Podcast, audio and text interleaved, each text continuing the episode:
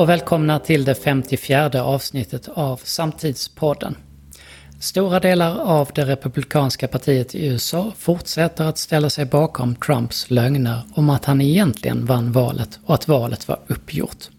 Förhör pågår just nu om den statskupp som ett gäng svenska ledarskribenter och opinionsbildare på högerkanten inte kunde se var en statskupp fast den innefattade en stormning av Kapitolium där flertal personer dog.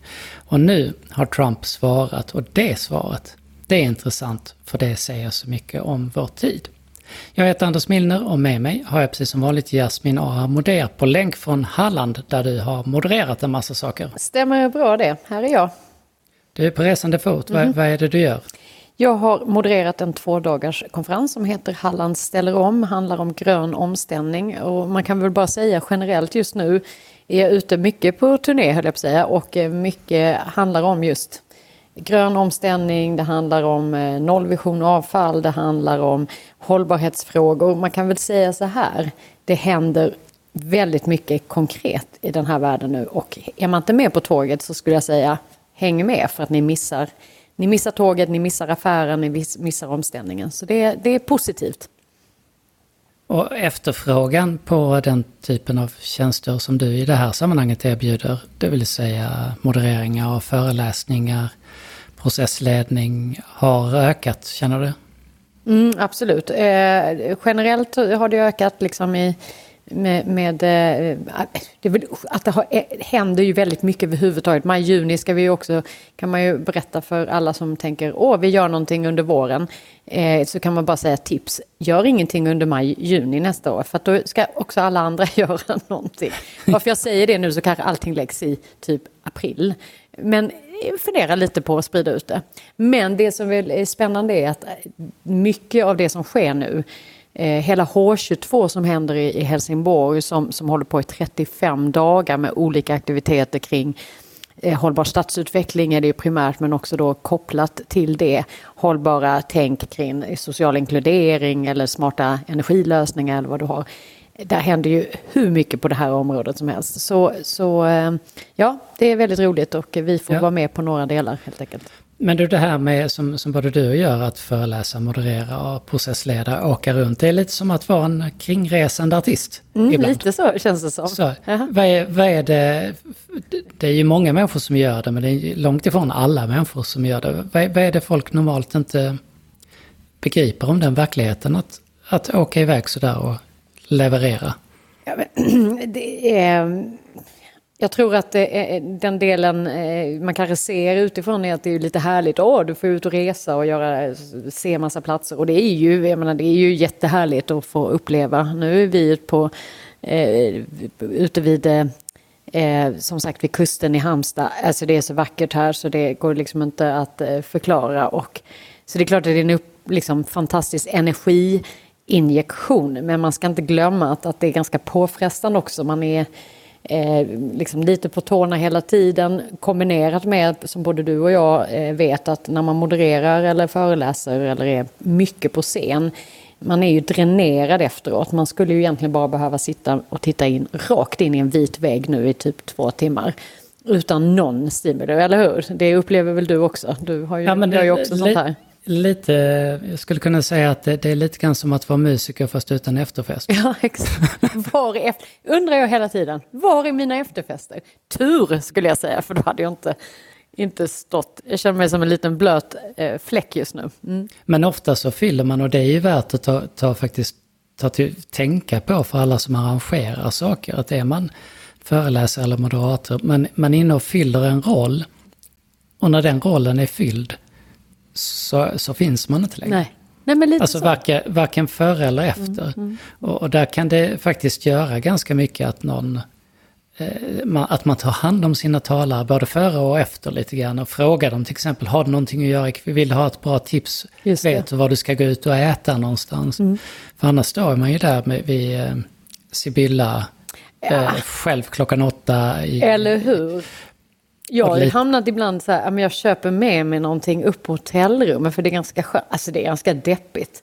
Ja. Energi, man kan säga energipåfyllnaden kommer ju inte av att sitta själv på ett hotellrum och äta någon, någon eh, mozzarella-macka själv.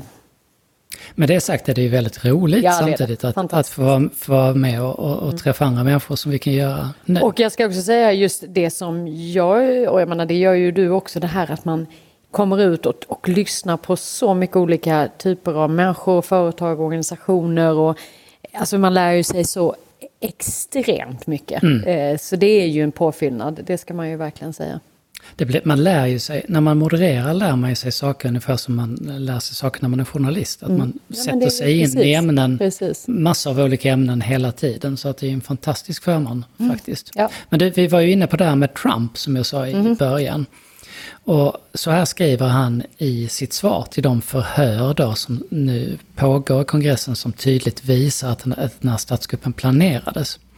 Han skriver att vårt land lider, vår ekonomi är i rännstenen, inflationen frodas, bensinpriserna har nått rekordnivåer, fartyg kan inte lasta av last, familjer kan inte ta, få tag på mjölkersättning som de behöver och vi skämmer ut oss världen över. Det är ju då som ni märker inga svar på, på de konkreta anklagelserna men han svarar på det sättet som populister över hela världen svarar på saker. Och populister, tre saker som urskiljer, vi har varit inne på det innan. En är att skilja mellan ett äkta folk och en elit som liksom snuvar folket på makten. Två, det är att ha dåligt uppförande, att bryta spelregler. Och tre, att underblåsa, förstärka kriser och göra allting man kan för att visa att det är kaos i samhället. Få den bilden och fastna i folks huvud, det är kaos. Och det är ju så han svarar i detta. Eh, och varför är då detta intressant just nu? För, jo, för Jasmin, jag har kikat lite grann på eh, våra partiers kommunikation. Det är ju valrörelse. KD skickade i den här veckan ut en bild på Instagram. Och eh, bara för att ni ska ha Trumps svar i huvudet så läser jag bara det en gång till innan jag läser vad KD skriver på Instagram. Trump skriver “Vårt land lider, vår ekonomi är rännstenen, inflationen frodas, bensinpriserna har nått rekordnivåer, fartyg kan inte lasta av last, familjer kan inte få tag på mjölkersättning, vi skämmer ut oss”. KD skriver att det är flygkaos, det är svindyrt att åka bil, lantbruk går i konkurs, fängelserna är fulla, kriminella går fria, trasiga vägar, rekord i skjutningar, barn i kriminella gäng, parallellsamhällen växer och våldtäktsanmälningar läggs på hög. Det är ju exakt samma retorik. Ja, jag blir så trött. Och man kan väl säga att de är ju inte de enda som kör med den retoriken. Nej, det är de inte. Och jag tittade lite grann på Moderaterna här också. Och eh, där är det ju eh, faktiskt precis samma. Det är våld, brott och straff och invandring i det. Rubriken här är Vilken av Socialdemokraternas haverier är du mest arg över idag? Och jag tycker det är värt att fundera över, inte bara eftersom det här nya blåbruna blocket då har gått över till en så tydligt gemensamt populistisk retorik. Eh, Det är väl Liberalerna som inte är riktigt där vad jag har kunnat se. Eh, ännu i alla fall. Men för att sånt här tenderar ju också att spridas till övriga partier. Väldigt snabbt och lätt. Men också eftersom vi hade, vi har ju spelat in vår Push-konferens, som Push Summit, som vi pratade om när vi pratade om Faila i förra podden. Och där hade vi med Staffanie Lindberg som är forskningsledare för världens största demokratimätning.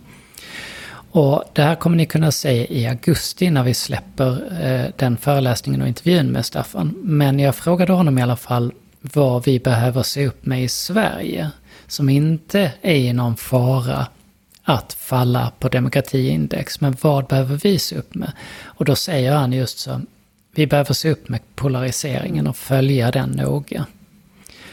Och jag kan känna nu när vi går in i den verkliga valrörelsen att jag är så ofantligt trött på daltandet med polariserande politiker. Och jag känner så att de får banne mig börja ta ansvar för sitt viftande någon gång och vad det gör med det här landet och hela samhällsdiskussionen.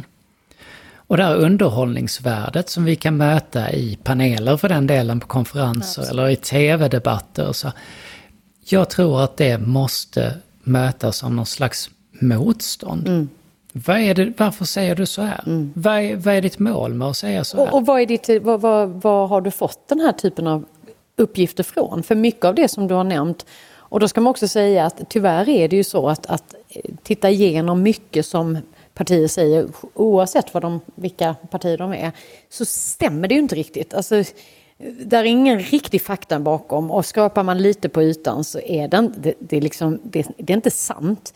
Bara för att göra en, en liten eh, intressant eh, jämförelse, det är ju, eh, men, du nämnde KDS och, och skjutningar och det är värre än någonsin. Om man nu krasst ska eh, titta på sanningen så är det ju eh, har det ju blivit bättre. Många av de här frågorna som man nu tar upp och säger att det är kaos eller det, vi har mer pengar än, att spendera än någonsin. Vi har en kris, det har vi runt oss.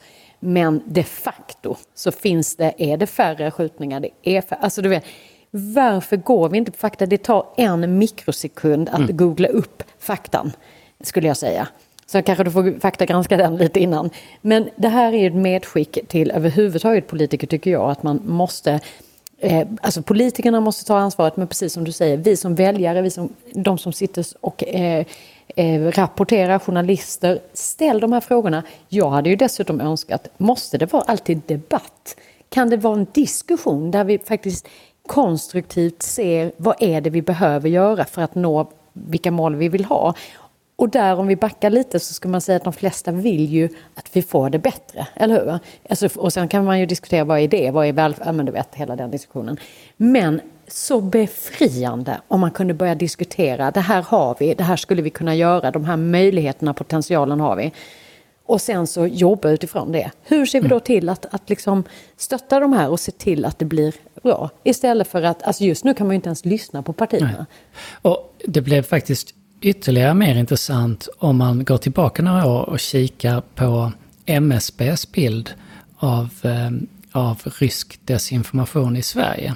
2018 så uppgav de att det fanns fyra narrativ som ryssarna sprider som propaganda mot Sverige.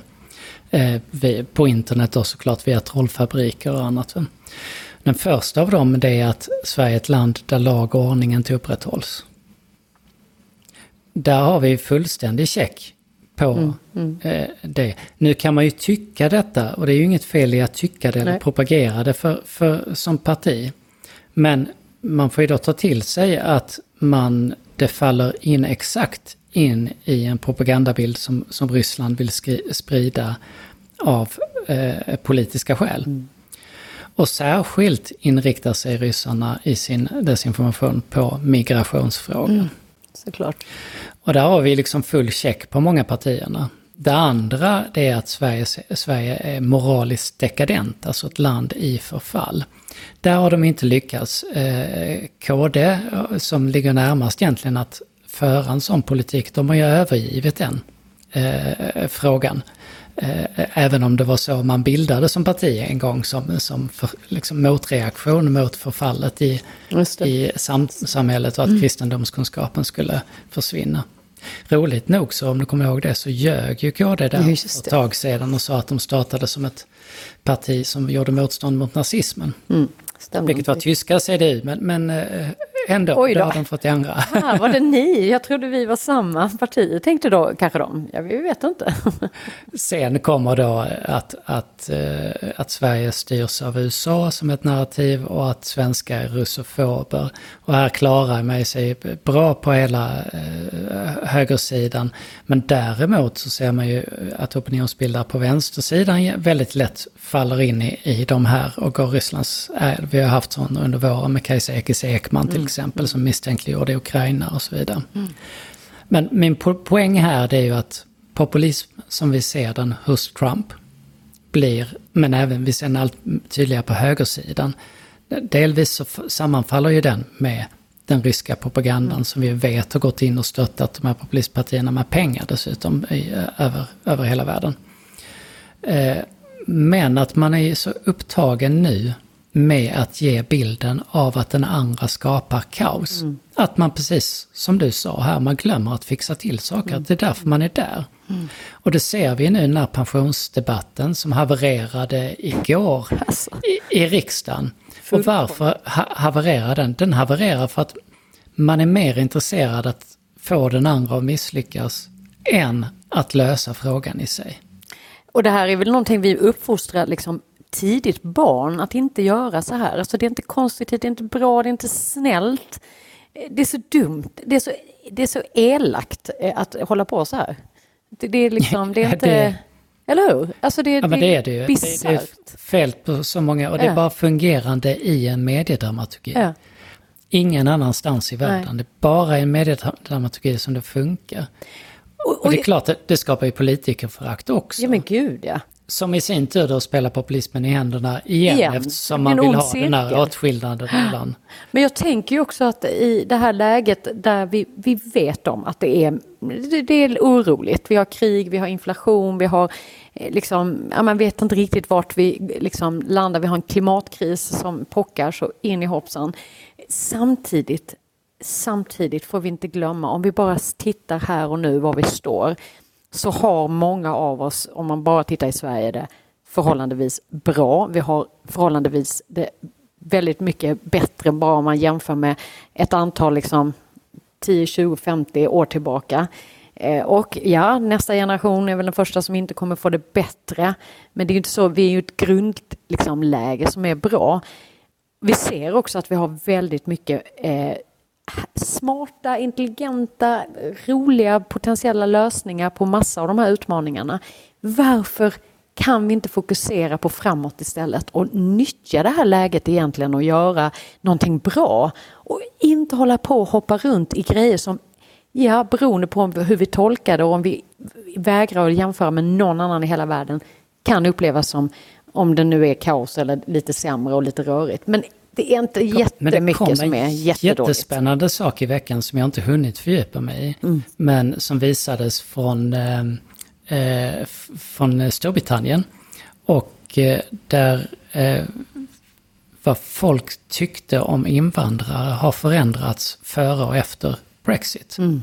Så attityderna mot invandring och invandrare har blivit mer positiva efter Brexit. Och anledningen tycks ju då vara att medierna har slutat att rapportera på det där sättet man gjorde tidigare. Och då vänder det och då försvinner det undan från debatten och då behöver folk inte trappa upp polariseringen kring det. Tänk och- och vad media har stor eh, roll du. Väldigt stor roll I, i detta. Men du gör några fler tecken här på att världen är full och behöver gå och lägga sig. Ja, okej, vad bra. Har du sett Squid Game? nej, jag, nej. Vet Alltså, vilken- jag, ja, ja, ja, ja, ja. Jag tycker det verkar bara så konstigt så jag tänker inte ens Nej, gå den vägen.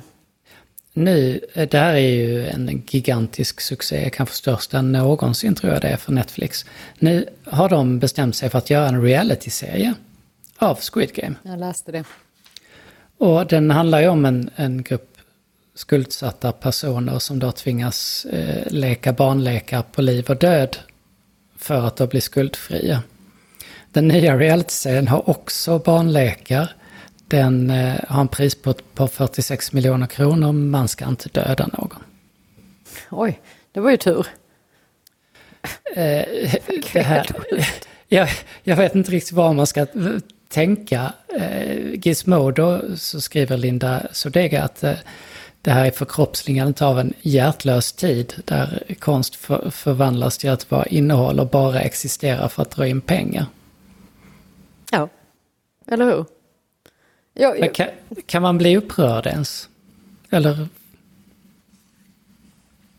Ja, men fenomenet är väl inget överraskande. Det är väl ingen, liksom, kanske om vi tänker efter att, att detta skulle bli att ta en sån succé och sen göra det till någonting liksom, som sen också skulle ticka in ännu mer pengar är väl inget så här, åh, att någon tänkte så. Det som är väl läskigt är att, att, eh, det- att det går överstyr och, eh, och att det är barn som vi kanske, eh, ja men som, som får för sig att göra grejer som de absolut inte ska göra och som blir skadligt.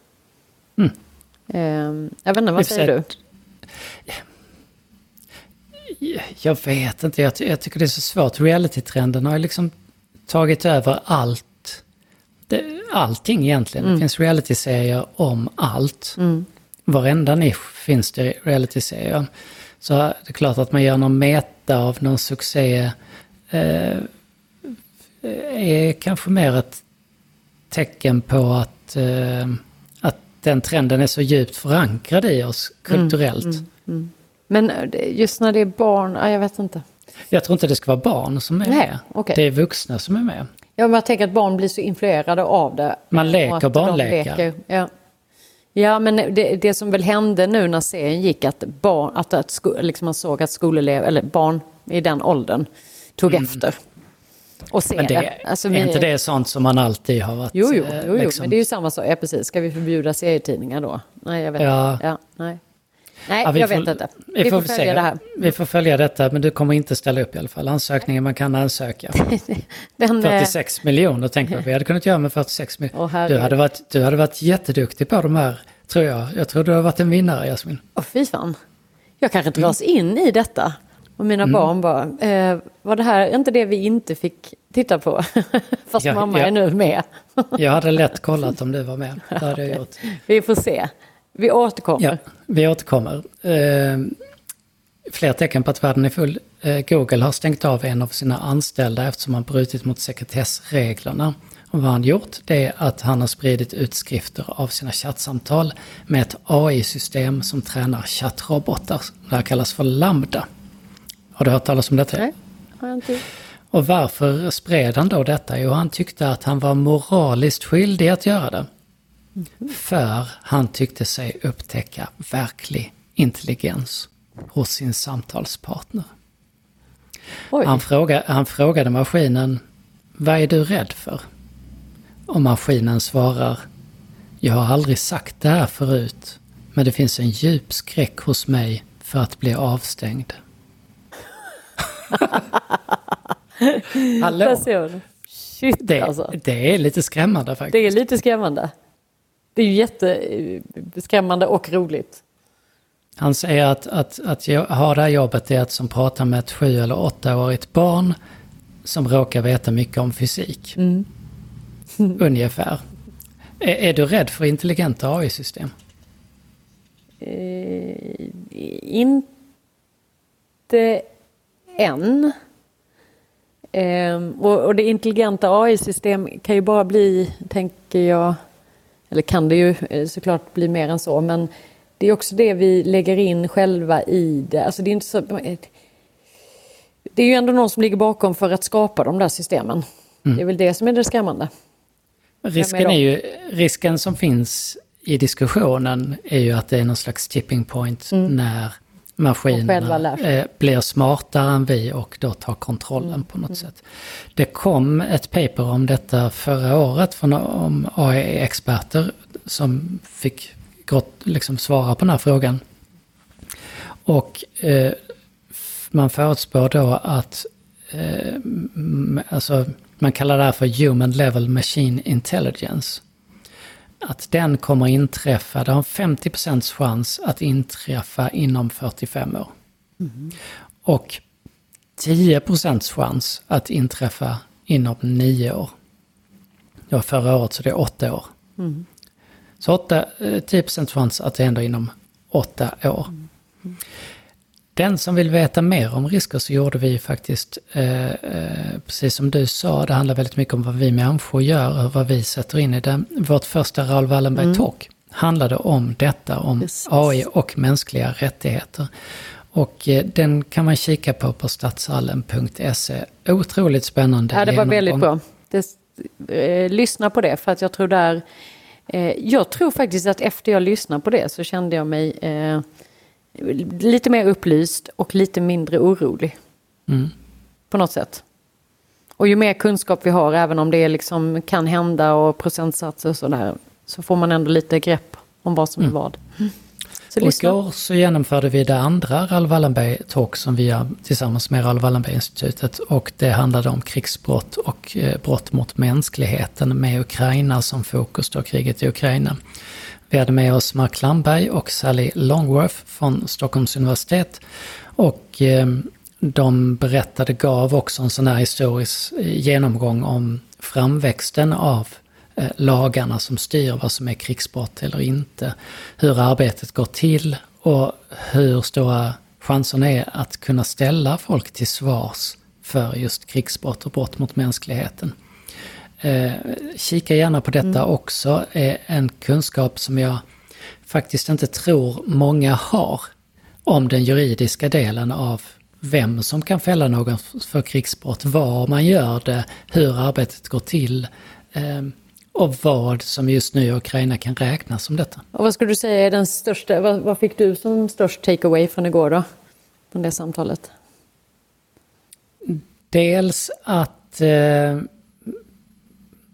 det är ju överenskommelser som inte bygger på att stater är demokratier. Vilket då i det här fallet är positivt. Så att du, du behöver inte vara en demokrati för att ha förbundit dig för det. Och väldigt många länder, även då diktaturer eller hårdföra, brutala länder, har haft historiskt sett eh, goda skäl att vilja stötta de här lagpaketen egentligen. Men också att de kan ta plats på väldigt många ställen. Man kan göra det nationellt med nationell lagstiftning, man kan göra det internationellt med internationell lagstiftning och du kan ha korsningar över dem. Och vi har haft 14 eh, rättegångar om krigsbrott i Sverige senast om eh, de här IS-barnen där, där en mamma till exempel fälldes för att inte ha stoppat sina barn för att, att eh, rekryteras som IS-krigare. Men också att eh, det kommer eh, troligen krävas att eh, Putin blir avsatt. Innan man kan göra något? Innan han mm. kommer kunna mm. ställas till, mm. till svars. Men en väldigt bra genomgång som tar oss tillbaka från 1800-talet och fram till nu. Ja, spännande. Det är som sagt rekommenderas, så lyssna på de här samtalen. Nu är det snart... Ursäkta. Ursäkta. Jag satte rosén i halsen. redan? Från, nej, jag skulle säga att nu är det snart Almedalen. Du har redan små, är, små för, vad heter det, förfestade du säger. Ja, nej, men frågan är om det blir någon rosé i ja, Almedalen. Ja. Mm. DN hade en artikel i veckan av Kristoffer Ahlström. När han skrev badande, dansande, debatterande partiledare, liemannen, brinnande tusenlappar, liemannen vet jag inte vad, vad det är för något, men brinnande tusenlappar, skandaler och en flod av rosévin. Almedalen har haft allt detta men i år blev det mindre av allt. Såväl politiker som PR-byråer och medier tycks ha tappat geisten för politikerveckan i Visby. Mm. Eh, tror du det stämmer Jasmin? Och i så fall vad beror det på? jag tror så här, jag tror att man, eh, det kommer vara eh, förmodligen ganska mycket folk ändå. Jag tror det är väldigt många färre som gör egna arrangemang, det är i alla fall de, det jag har hört. Färre av de offentliga gör, eh, har egna aktiviteter. Eh, och jag tror det hänger ihop med eh, naturligtvis insikten under de två åren man ställde in att det går att göra på andra sätt. Man kanske inte måste spendera alla de pengarna på en samlad vecka. Vi ser ju bara i Skåne att det händer parallella arrangemang överallt eh, som på något sätt försöker fylla det, eh, det rum Almedalen har gjort. Eh, det är inte säkert att jag tycker att det eh, kommer bli bättre. Men jag tror att eh, många har fått sig en tankeställare att eh, kanske optimal utkomst av vad man nu vill uppnå inte görs genom den typen av aktivitet. Jag är lite förvånad där, för vi har ju gjort två år digitala Almedalssändningar. Eh, det gör vi inte i år. Men jag är lite förvånad över vad som verkar vara totalt ointresse att göra detta från Visby. Mm. För det, det, känns inte, vi får se vad, hur det är, men det känns inte som att arrangemangen Eh, är digitala. Nej, jag att man kan följa den. Några tror jag som sagt, men, men det, jag håller med dig. Det känns kanske som att man har varit väldigt eh, liksom, mån om att locka tillbaka till det som var på något sätt, även om det finns liksom en, en lärdom i vad som har hänt. Men eh, man kanske hade mått bra av också, framför allt det vi sa under de här två åren när vi gjorde det digitalt, att det helt plötsligt öppnar upp möjligheten att både delta, alltså titta på arrangemang och vara en talare utan att behöva resa. Och om vi nu är inne på, som jag inledde med, med, med grön, grönt i alla dess former, omställning och klimatfrågor och, och hållbarhet, så är det ju kanske inte så att vi måste, alla måste resa till någonting. Och där tycker jag kanske att vi och det gäller faktiskt inte bara Almedalen. Jag tycker man ser det generellt. Eh, plus 50 var väl en sån aktivitet där som bara fokuserar på hållbarhet och det ändå allt nästan hängde upp sig på att alla skulle vara där fysiskt. Sen så ska man ju också liksom jag vill ändå understryka att det fysiska är jätteviktigt. Eh, och att man ser vilket enormt behov det är att träffas. Det kanske är det som kommer hända i Almedalen. Det kommer bli mycket mer eh, mingel, kanske inte förhoppningsvis bara med rosé, utan minglandet för just den anledningen. Vi måste tillbaka och prata med varandra, gnugga liksom eh, Eh, arm och rygg eller vad man nu gnuggar för att nå de där resultaten. Uppenbart är det ju inte politikerna som gör det utan det kanske är andra som gör det. Så det är kanske är det som är framtiden när vi väl ses fysiskt. Det är för att snacka ihop oss, inte lyssna på talare eller vad vi nu gör. Det kan vi nog göra i andra former. Mm. Vi, vi får kika vad som händer men, men lite av jag tycker inte jag har hört jag, jag tycker inte jag har hört någonting om Almedalen. Faktiskt. I, i, I Skåne. Någon som ska dit eller som säger att kika på det här mm. eller... Och det är ju ganska någon, snart. Jag har droppat in någon liksom, inbjudan och lite sådär men det är verkligen skralt. Vi får se. Vi får se. Vi, vi ska inte dit, till kan vi säga. En, vi ska inte dit, nej, men uh, kika på tv kanske eller på internet mm, beroende på mm, vad det mm. är för någonting. Mm. Vi ska ha en positiv klimatnyhet. Ja, det gillar vi.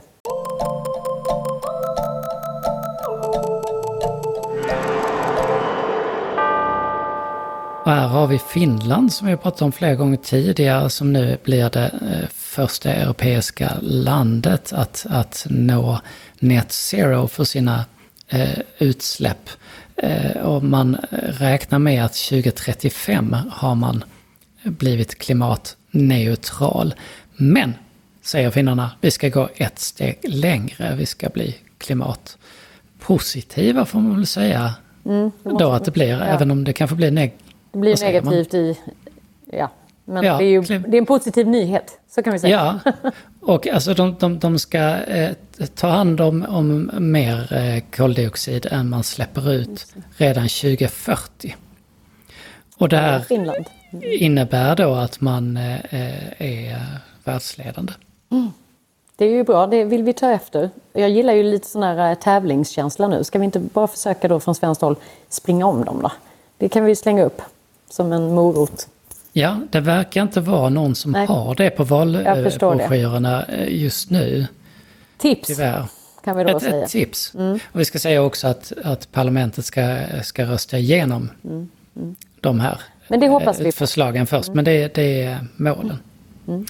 Det är torsdag den 16 juni och idag så inleddes eh, den allra första riksdagen i Sverige 1527 i Västerås. Det pågick i två dagar. Oj. Ja. 1963 eh, så blir Valentina Tereshkova den första kvinnan som genomför en rymdfärd. Från i Sovjet. Ja, hon var i rymden men hon åkte upp från Sovjet. Och 1972, idag, så släppte David Bowie Ziggy Stardust-skivan. Mm. Det, var en bra, det var ett bra släpp. Ja, det är ju jämnt. Så det kan vi, ja, då firar vi fira. Det. det är ju 50 år. Ja. Tjoho! Vi, hej! Ja, hej! Woho, hurra! Och det var... Är, är, är det rätt sätt att fira den skivan? Ja, jag vet som, som vi lät nu? Nej, jag, Nej. jag sitter i en, i en, liksom en liten hörna i ett hotell. Jag kan inte skrika ut. Då blir jag utslängd härifrån. Men eh, hörni, detta var allt för oss från eh, Samtidspodden eh, som produceras av Altitude Meetings och eh, som vanligt så kan ni hitta allt vad vi pysslar och sysslar med på altitudemeetings.se. Och vi ses snart igen. Ha det bra så länge. Tjo!